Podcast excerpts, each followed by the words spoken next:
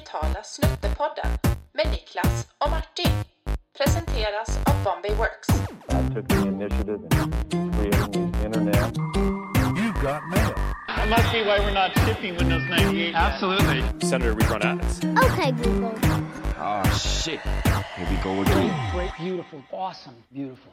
Välkomna till digitala Snuttepodden. Det är jag som är Martin. Och det är jag som är Niklas. Och det är jag som är Karl. Karl Bjuling, välkommen så mycket. Tack så hemskt mycket. Dagens tema Niklas, det är ju digitalisering inom finanssektorn och då har vi bjudit in Karl. Han har en gedigen bakgrund inom den Ja, det sfären. här blir väldigt spännande. Mm, faktiskt. Karl, du började ju din karriär inom eh, byråsvängen, eh, bland annat Art Mm. Director på Icon Media Lab. Det är ju lite fett faktiskt, att ha med någon som har det där. coolt. Eh, sen hamnade du på Handelsbanken och har varit där i olika roller ungefär tio år. Jag gick ju inte direkt från Icon Media till Handelsbanken. Men, Men, nej, vad gjorde du däremellan då? Ja, det kan man fråga sig. Det var lite andra byråer. Sen så har jag pluggat lite på universitetet och donat runt lite. Eh, Mm. så. Blandad Men kompott. sen har jag varit på Handelsbanken. Mm. Mm. Ja, Ja, och Handelsbanken länge då ja. Och på Handelsbanken, vad hade du för roller där? Nej, men jag har jobbat mycket med kommunikation och varumärkesfrågor egentligen under hela tiden. Och eh, det har ju varit naturligtvis ett fokus på digitalisering eh, och förändringsprocesser kan man säga. Mm. med lite olika ingångar, både affärsmodellfrågor och varumärkesfrågor men också ja, kommunikationsfrågor egentligen. Att prata om kommunikation. Det är otroligt många människor såklart som jobbar med digitalisering. Så mitt jobb har väl ofta varit att sätta det i olika i sammanhang och försöka beskriva vart man står och vart man ska och liksom sätta det i, i liksom, göra det begripligt för människor att, Mm. eh, var man är på väg någonstans. Det är en viktig, en viktig uppgift också. Eh, Såklart. så. Låter ju som att du har haft perfekt bakgrund in i din anställning på Handelsbanken då. Men den anställning du har haft på Handelsbanken, den är, den är inte längre. Vad är planerna nu? Nej, jag bestämde mig för att sluta eh, i höstas och eh, vet väl inte ännu riktigt exakt vad jag ska göra. Men någonting ska jag göra som har med liknande frågor att göra, hoppas jag, men i ett annat Mm. sammanhang. Så det är Mm. på framtiden helt enkelt. Jag är ute på en, en liten upptäcktsresa, känner jag, efter tio år i företags, eh, ett stort företag. Ja, väldigt spännande att se vad det tar vägen då. Superkul. Mm. Vi brukar ju börja på den med eh, fem snabba frågor för att komma igång lite grann. Är det okej eller? Ja, ja men Mm. absolut. Då, eftersom vi ska prata digitalisering av finanssektorn då, så kommer kanske den svåraste frågan först. Eh, Om du fick 10 miljoner i handen, hur skulle du placera dem då? Mm. Eller vad skulle du Eh, köpa? Ja, vad ska jag köpa? eh, jag skulle köpa eh, kanske ett eh, sommarhus och sen skulle jag köpa eh, aktier förmodligen. Eh, Okej. Kanske någonting digitalt. På tal om det, nästa fråga då. Eh, aktier eller bitcoin? Eh, definitivt aktier. Jag har alltid tänkt att jag ska köpa bitcoin sen kanske 2014 någon gång och aldrig gjort det. Och nu känner jag att det, det tåget så att säga har rest iväg eh, för, för ett tag sedan. Mm. Så nej, usch. Vi har ju Jag pratat får ångest när jag tänker på det. vi har ju pratat om det innan Niklas. Jag köpte någon bitcoin där också för eh, 600 dollar någon gång tidigt och sålde den för 400 dollar. Ja, det är typ en dålig affär. Ja, det var en dålig affär, ja. exakt. Men det var Mm. inte så dramatiskt. Det kan ju gå sämre. Det kan gå sämre. ja. Ja. Det kan gå bättre också. Ja, eller hur? det hoppas vi på. Eh, Google eller Microsoft? Eh, Google, nästan utan tvekan. Även om Microsoft har snäppt upp sig rejält sen Satya Nadella kom in och tog över skeppet. Ja, det snackas lite Eh, om att det- de, förlåt, ja det snackas ju lite om att de här indiska eh, super-VDs tar över världen. Jag läste någon artikel om det. Ja, det är inte omöjligt. Och, Mm. och kineserna säkert också. Ja, så precis. Mm. Mm. Ja, Eh, nästa då, den är kanske lite, eh, inte kontroversiell, men lite annorlunda. Anders Tegnell eller Anders Borg? Eh, ja, eh, Anders Borg tror jag. För att jag är mer intresserad av det som Anders Borg pysslar med än det som Anders Tegnell pysslar med. Båda gör ju ett fantastiskt jobb, får man väl ändå lov att säga, under omständigheterna. Ja. Eh, stackars Anders men det där är ju en kuggig fråga. Ja, stackars Anders Borg också. Stackars Anders och Anders, båda två har det- haft det tufft Ja. eller har det tufft. Ja. ja. Och den frågan som de flesta har ganska kämpigt med. Vad är det bästa du köpt för under tusenlappen det senaste året? Ja, jag kan inte komma på någonting riktigt. Eh, eh, någon maträtt tror jag. Kanske något gott att äta på en restaurang i den mån jag varit ute och ätit. Det är inte så ofta nu det senaste året. Nej, det saknar man ju Eh. lite. Det är ganska trevligt. Ja, Men helt enkelt någon upplevelse. Ja men precis. Sånt. Det leder ju fint vidare till vad vi ska prata om. Alltså vi ska ju prata Mm. om eh, digitalisering inom eh, finansvärlden, men allting handlar om upplevelsen när man pratar digitalisering. Det. Hur man får det att bli eh, mer attraktivt att vara kund eller konsument då till, eh, Mm. på, på ett, eh, gentemot ett bolag. Och där känns det ju som att eh, det har ju hänt mycket inom bank och finansvärlden, men det känns som att det är mycket kvar som behöver hända. Vad, Mm. vad kan man säga om det? Hur ligger man till egentligen? Men jag tänker grann, lite grann på den tid jag har varit i bankvärlden så kan man säga att det som har skett väldigt mycket i den omställningen som har, som har handlat om att gå från en analog värld till en digital värld som egentligen inte, liksom, den, är, den är väl påbörjad men den är långt ifrån klar skulle jag säga. Och sen så tycker jag det är ganska tydligt att det som komma skall är en, en liksom omdefinition, en omställning kring vad Mm. själva kärnan i vad bank och finans är för någonting för oss som konsumenter. Mm. Eh, så det tror jag liksom är, eh, om man blickar bakåt tio år, tittar b- framåt tio år, så är de skiftena. Ett annat sätt, tydligt skifte som jag brukar prata om, som jag, som jag har sett ganska tydligt, det är att liksom, det som kallas för bundling och unbundling i, i, i, liksom, i Mm. olika s- företagssammanhang. Det vill säga att du har haft storbanker som har, varit, som har haft som eh, mål att samla så mycket tjänster som möjligt och erbjuda det som ett paket till kunderna. Och i takt med att eh, inträdesbarriärer, alltså digitalisering har drivit ner inträdesbarriärerna så har ju nischbankerna kommit in. Ja, Och det kan man säga. otroligt tydligt idag att tjänsterna som, alltså Klarna började som en, en singeltjänst, eh, Trustly, Lendo, iSettle, alla de här har liksom börjat med att ta en liten affär som Mm. de sen liksom packar upp och, och, och vidgar utifrån liksom kundens behov. Och det där har ju storbankerna jättesvårt att, Ja, det känns som att de har kilat sig in lite i finans och bankvärlden och sen så öppnat upp dörren mer och mer. Och det, det är ju rätt intressant för det finns ju jättemycket sådana tjänster som är på Carl. Det finns till exempel eh, Avanza och Nordnet för aktiehandel, eller Robinhood i USA, Verkligen, bolån, ja. Saver för fonder, Lisa, Opti och så vidare.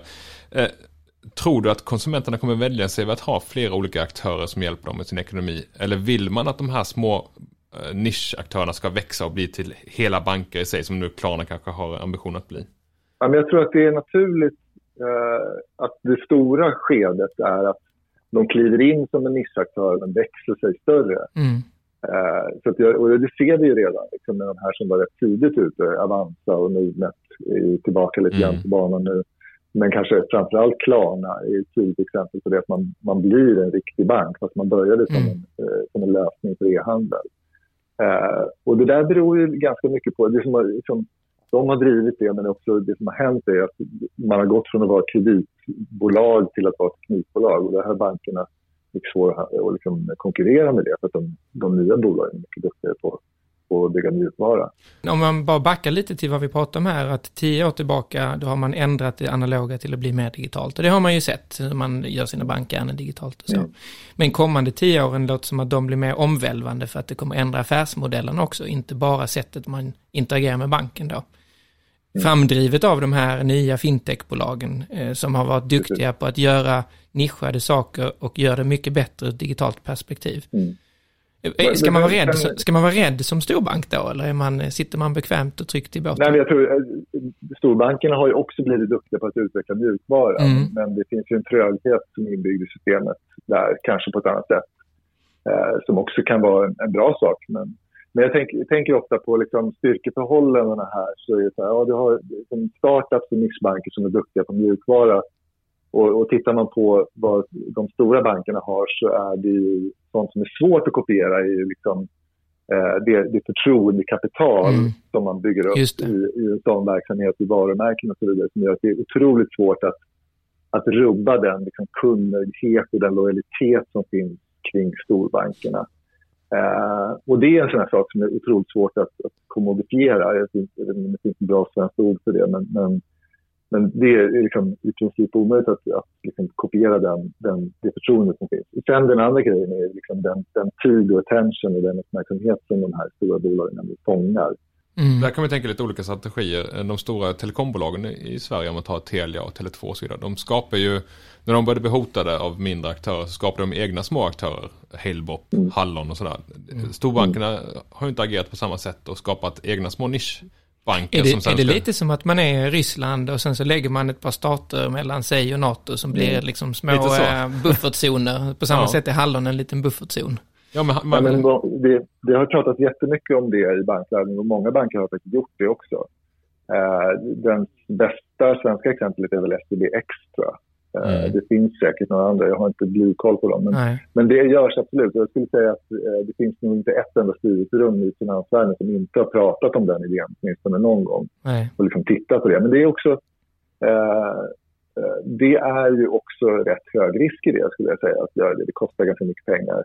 Eh, och man kan betrakta det som ett sätt att bygga liksom, en ny teknikplattform eller att liksom, eh, hedga för att den, den liksom, gammelbanken ska eh, packa ihop på något Mm. sätt. Men jag, jag, jag vet inte riktigt varför inte vi har sett mer av det. Eh, det är väl en försiktighet och en, en tröghet kanske inbyggd i systemet. Ja, men, men är det också så kanske att man på storbankerna, vi, det är lite, vi pratar ju om storbolag, hur man digitaliserar det, vi körde ett webbinar om det med, med Volvo och Electrolux, att det finns en väldigt kraft, men det finns också en tröghet. Och om det finns en tröghet i det egna varumärket och man måste, om man inser att man måste digitalisera mer och göra mer förändringar, så kanske man har nog eh, med eh, att kratta i sin egen trädgård att liksom börja odla någon annanstans på kolonilotten. Mm. Mm. Att man måste samla sina styrkor lite kanske. För det, det känns ju som att, eh, jag tror många banker, om vi tar eh, din, du, vi har olika banker du och jag Martin. Vi ska ju inte nämna någon, men det, den bank du har tycker jag du en att de, traditionell bank. Ja, de är lite långsamma, alltså vad det digitala, och min är kanske lite snabbare och så, men, men eh, rent faktiskt så känns det ju som att som konsument eh, och som kund, vi har ju liksom eh, på Bombay Works eh, också en bankrelation, så kunde man ju önska att det fanns lite mer digitalisering genomförd och att det var lite mer framåtlutat. Ja, och jag tänkte lite grann på det det inte så att man kanske har fokuserat lite mer på transaktioner snarare än relationer när man gjort sin digitaliseringsarbete på bankerna? Mm. Men jag tror att det är precis som jag sa inledningsvis, att det har varit ganska naturligt att man... Och det här är inte bara i finansvärlden, utan det ser man överallt liksom när, när man har gått från analog till digital. Det man, det man digitaliserar är de liksom enkla processerna, transaktioner. Man får flytta bort sånt som, som man egentligen inte vill göra själv. Man tar liksom, många av bankernas affärsmodeller i ett historiskt perspektiv så har ju liksom, kontoren varit där du eh, liksom, tar in de stora mängderna kunder. Och sen så eh, kan du ge dem liksom, eh, ett bra service där och liksom skapa lojalitet. Och sen så det du inte vill göra låter dem sköta i digitala eh, Mm. tjänster. Eh, och i, i liksom mötet i kontoret, där tar du hand om kundens liksom, övergripande behov. Du fångar väldigt mycket saker som du inte gör i den här transaktionslösningen. Men det som, det som händer nu är att man vänder på den triangeln, eller vad man ska kalla det för, där liksom kunderna flödar in digitalt Mm. och att spetsservicen blir att ringa till någon eller träffa någon på ett kontor. Eh, men det här innebär ju att du, må, du måste eh, på, på ett mycket smartare sätt än att bara liksom sköta kundernas transaktioner.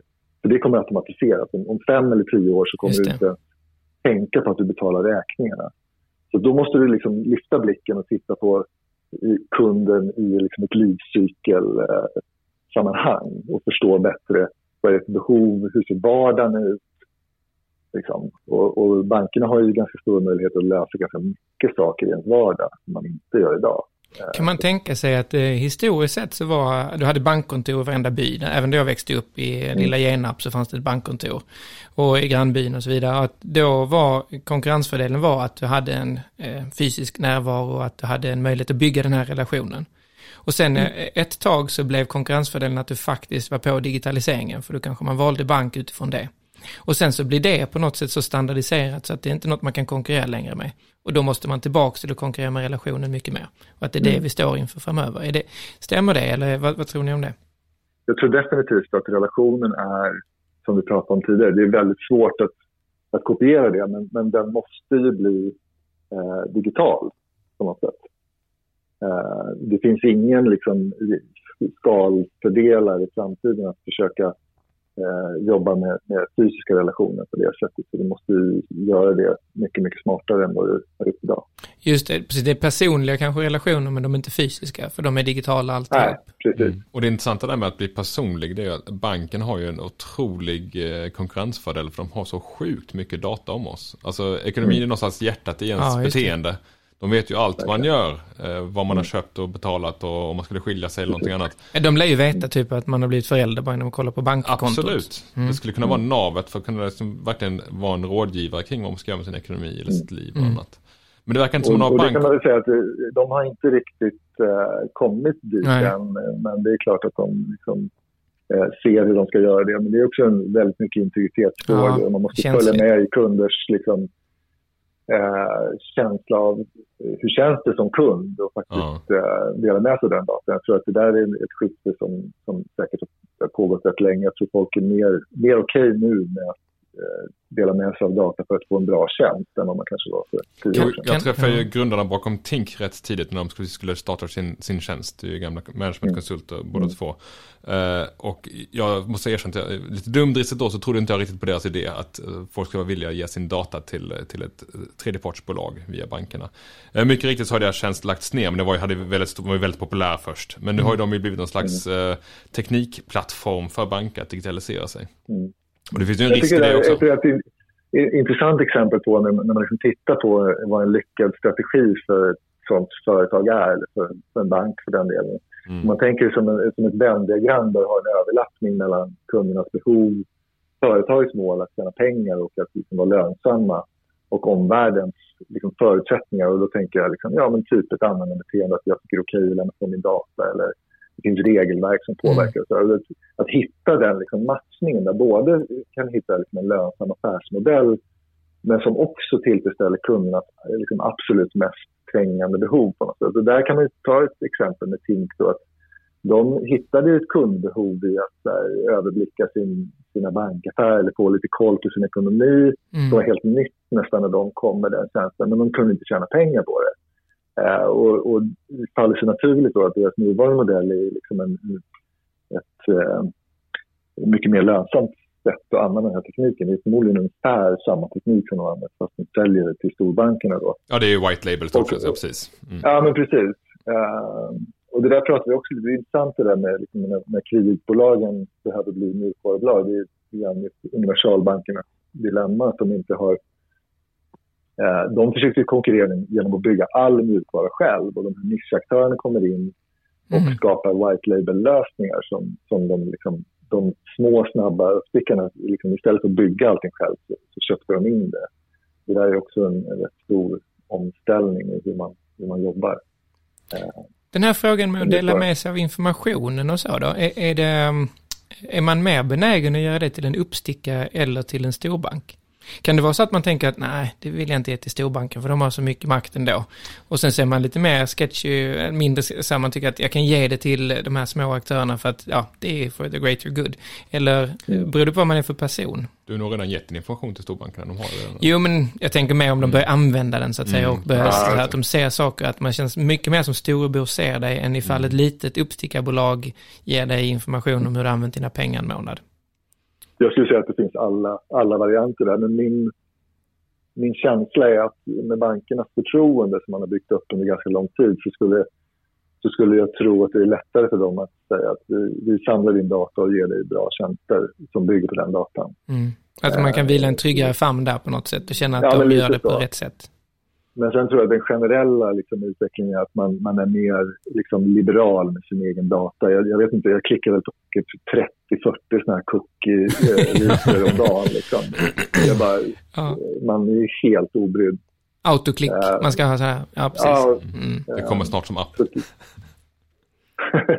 det skulle skönt att slippa den där. Det cookie me. Just det här med att eh, bli mer digital och att man släpper det fysiska men att det ändå är personligt. Det är ju hand i hand med hur Handelsbanken eh, nu annonserade 2020 att de skulle halvera sina kontor. Från Kring 400 till 200. Vad jag har hört också mycket drivet av eh, just corona så tillvida att även den äldre generationen då slutar gå till bank uppenbarligen. Och har Ja. blivit mer digitala. Kommer, kommer man ha en situation där det inte finns ett enda bankkontor? Uh, och pratar vi i generella termer så tror jag absolut att det kommer finnas en sån framtid att, att man inte har särskilt många fysiska platser att Nej. gå till. Uh, sen hur lång tid det tar, det vet jag inte. Men liksom digitaliseringen påverkar ju bankerna uh, på, på liksom alla möjliga olika sätt. Och Det, är mer, liksom, det handlar om mer än att arrangera om stolarna på Titanic. Eh, och liksom blicka ner mot de isberg och de liksom Ja. som finns. Eh, så tittar man på liksom de olika nivåerna som digitaliseringen slår så, så tycker jag att dels har vi hela kundmötes eh, liksom biten att digitalisera kundupplevelsen, det är det som vi pratade om tidigare. Sen har du ju hela nivån av intern effektivitet, alltså att alla de interna Mm. system som finns för att banken ska fungera på ett, på ett bra sätt där, vi liksom både, där man både måste effektivisera befintliga system som finns på kontor till Mm. exempel, men också att bygga nya AI-lösningar och sådär. Nej, men sen tänker jag också, sen är hela det här liksom affärsmodellskiftet där man gör den här liksom, nya typer av tjänster. Vi pratade om det här med data, att man använder data för att skapa helt nya typer av tjänster där man omdefinierar. Man går från så här, att tänka att bank är banklån, bostadslån och transaktioner där jag betalar en räkning så kanske det är någonting helt annat vi ser att bankerna gör Mm. tio år. Vi kanske eh, liksom leasar din bil eller liksom, eh, vi kanske har din, eh, liksom hela din sjukförsäkringspalett. Jag vet inte, det kan vara allt möjligt som du kan göra genom banken som man inte gör enskilda aktörer. Jo, ju- just det här med interna processer som du på tycker jag är ganska intressant. För att det är någonting jag har startat mig på med min bank i alla fall. Att mycket är ju Mm. Och man får oftast Mm. kommentaren, du måste komma ner till kontoret för att lösa detta. Och då känner Ja. jag, varför måste jag det? Varför kan jag inte bara ha Scribe så kan jag signera digitalt? Jag, jag tänker att det beror på att de är enligt lag skyldiga, men det kanske bara Vilken är att då? de ligger efter. Jag vet inte. Ja, det kanske Carl vet. Jag, jag tänker det är samma när man ska köpa en ny bostad, så måste man in på kontoret och skriva Ja. på lånepapper och man vet ju aldrig vad man skriver på. Nej. Alltså man kan inte sitta och läsa dem, det är så här 17 sidor lag, eller inte Det är avtalstext. jättespännande. Om du väl tar dig tid att läsa dem så kommer du få djupa insikter om livet. Är, Ja. är det så? Kommer det, står det någonting där som man... Ja, det är gömt på 34. Me, me, meningen med jag, livet? Jag vet att det inte är det Carl, för att jag sålde en gång en lägenhet här i Stockholm till ett ju- juridikpar som verkligen satt och läste de där papperna. Jag, skulle, jag kommer aldrig ifrån det där jäkla mäklarkontoret, det var hemskt. Så det är nog, det är nog helt okej. De är enlightened nu och går Ja. runt och, vad vet jag, lever livet så som man, all, alla vi andra borde. Exakt. Exakt. Men, men är det på gång då att även sådana saker kommer försvinna? Man får ju hoppas det, för om man tar bort kontoren, hur gör man i, i, eh, i obygden när man ska köpa ett, eh, ett hus?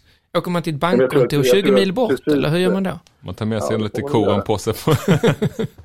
Men jag tror att det, apropå de här sakerna som jag, som jag rabblade upp där, så är det liksom den stora förflyttningen för att möjliggöra en bra kundupplevelse. Ja. Du tänker att du har liksom olika lager i det här.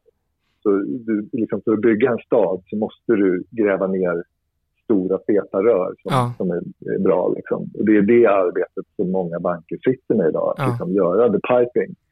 Så att man kan bygga eh, sjukt bra kundupplevelser ovanpå det. Mm. Eh, Men det tar ju tid och det görs ju också liksom i, i otakt och det ja, så som det är eh, när man ska bygga saker. Det är, Ja, mest, det är inte linjärt på något sätt Nej. eller enkelt utan det är otroligt Jag kan stökigt. tänka mig liksom vilka legacy-system man sitter säga med. samma alltså. sak. Det pratas ju om de här eh, utvecklarna som är 65-70 som täljer guld för att de kan kobolt och sådär. Inte om det är skrönor, men Fortran. Ja, och allt möjligt. Att, att det är så mycket som bygger på så gammal teknik så att eh, det nästan är mm, att man blir mörkrädd ibland. Kan, är det så? det eller är det, det, det är så. Det finns mycket där under huven som inte är så up to date. Verkligen. Jag har inte koll på exakt hur mycket, Nej. men det görs ju kurser i COBOL och de här gamla programspråken fortfarande. för att Cobol heter utbilda, det, just det. Mm. eh, unga människor eh, som, eh, som kan ta det vidare. Det känns ju lite Absolut. deppigt att man sätter sig och lär ett kodspråk som är utdöende men som bara behövs för att ingen har lyckats bli av med det. Mm. Ja, Eller hur? ja, det är möjligt. Jag, jag känner ingen varken till eller från på den frågan. Det är nog svårt att bygga, bygga app på Ja. Cobol.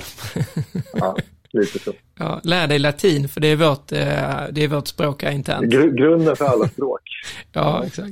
Men på tal om, om legacy-system sådär, så att jag och, och kikade lite också på andra banker. Och då snubblade jag in på Goldman Sachs av alla banker. Eh, där vdn då Lloyd eh, Blankfein heter han, eh, sa att vi är ett teknikföretag, vi är ingen bank.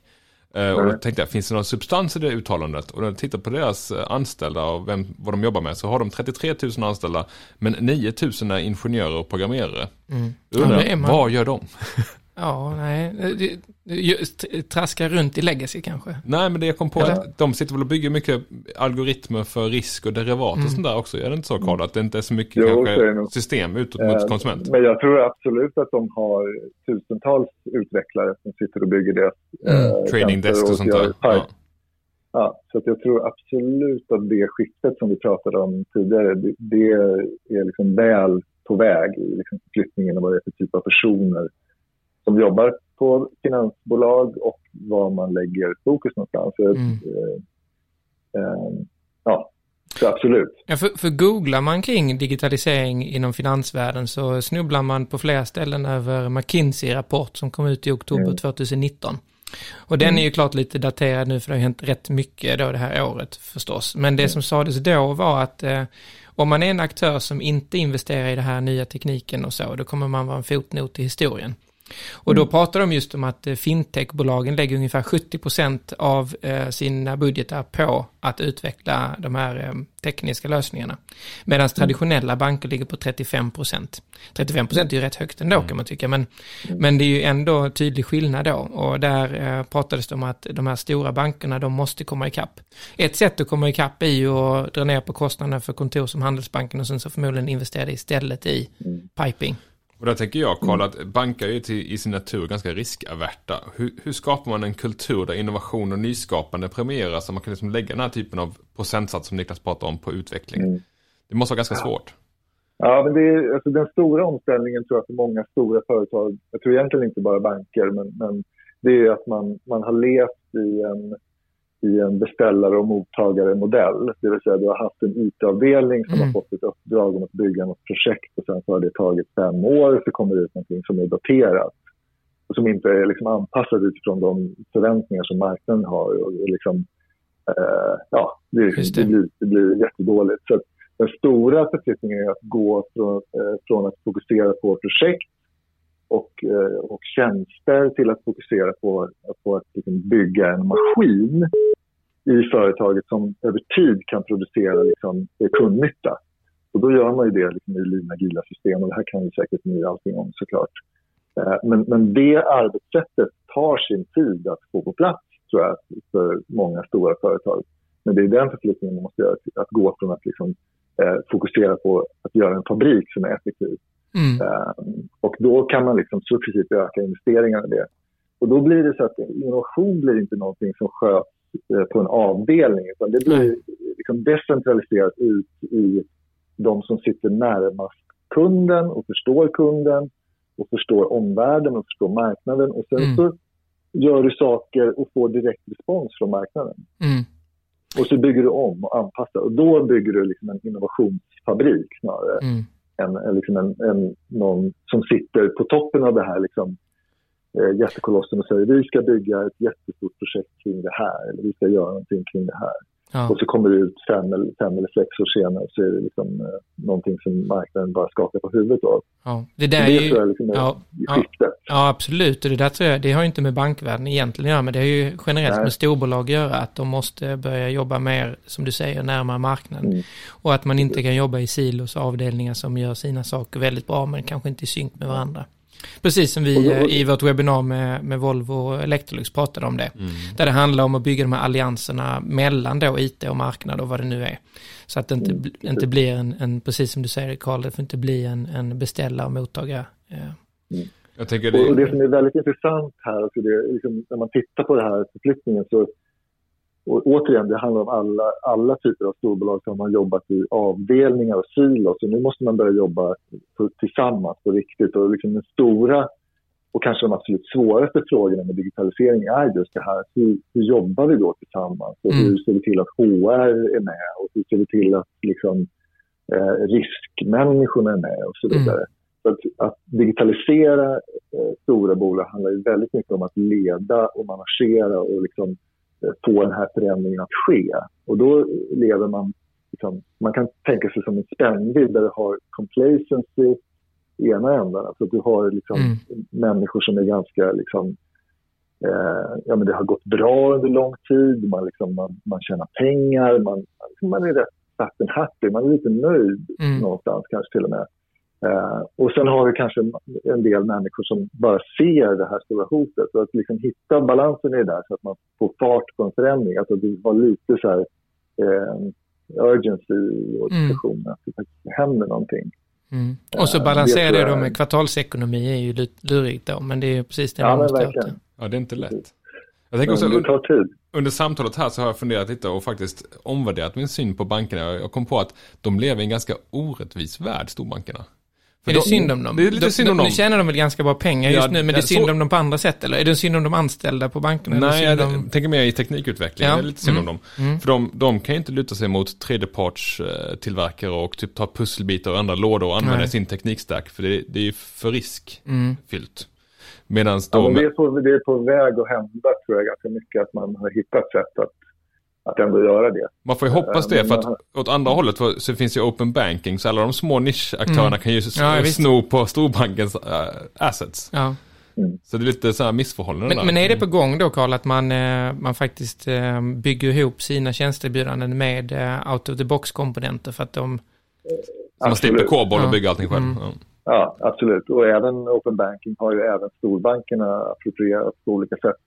Även om de kanske inte har varit lika liksom, framåtlutade som Tink och många av de här andra Mm. aktörerna. Men, men absolut, det, det sker. Men, men open banking är intressant. Det blev liksom, när det där var på väg att bli en grej så var, ju, eh, var man ju rätt liksom, eh, ja, man kände vinddraget runt öronen i den där frågan. Och sen Mm. så när det väl kom ut så blev det lite av en, en liksom, eh, antiklimax. För det, det blev inte så, så liksom, stor grej. Eh, sen kan man ju säga att det, liksom, det har ju påverkat mycket men, men det går, går lite långsammare än vad man kanske trodde att det skulle göra. Mm. I grunden är det någonting väldigt bra för, för kunden tror jag. Att liksom få, få möjlighet att se, eh, se saker på ett och samma ställe. Ja, det blir spännande att se då här ifall eh, de eh, tio år som varit, eh, de har man ju någorlunda koll på, och om de tio kommande åren blir omvälvande eller om det är så att det är så mycket legacy och så mycket oljetanker som ska vändas så att det kommer ta långt mer tid än så. Precis. Jag har, Men, eh, jag har ju en avslutande ja. fråga då på det temat. Tror du Karl att det Mm. kommer finnas fler eller färre banker i Sverige om 5-10 år? Ja, men jag tror att det kommer finnas kanske ungefär lika många, skulle jag Mm. säga. kanske nå- något fler möjligtvis. Jag tror att eh, generellt sett valmöjligheterna för- mig som konsument kommer öka dramatiskt. Eh, men jag tror att vi kommer se eh, storbanker som har flyttat fram positionerna ganska rejält om, om Mm. tio år i vad, i vad det gäller kundupplevelse och, eh, och att liksom eh, hitta sätt att eh, eh, liksom fokusera på kundens behov som de kanske inte alltid vet att de har idag. Eh, Det finns ju en sån här klassisk, liksom det här med att kunderna ofta vill ha en snabbare häst. Eh, i Just det. Eh, och där tror jag ganska mycket att man, den här liksom innovationsfabriken som sätter igång, alltså det vi pratade om tidigare, kan, Mm. kan skapa rätt mycket nya intressanta tjänster som, som vi inte visste att vi ville ha. Men då låter det lite som att man kan eh, som bankkund eh, ha spännande eh, tider framför sig. Om att det kommer hända Ja, det grejer och att det kommer vara kul att vara konsument. Vi får hoppas på det helt enkelt. Det tror jag verkligen. Ja. Stort tack för att du var med Karl. Väldigt intressant att lyssna in Ja, på dina insikter. Tack. Mm.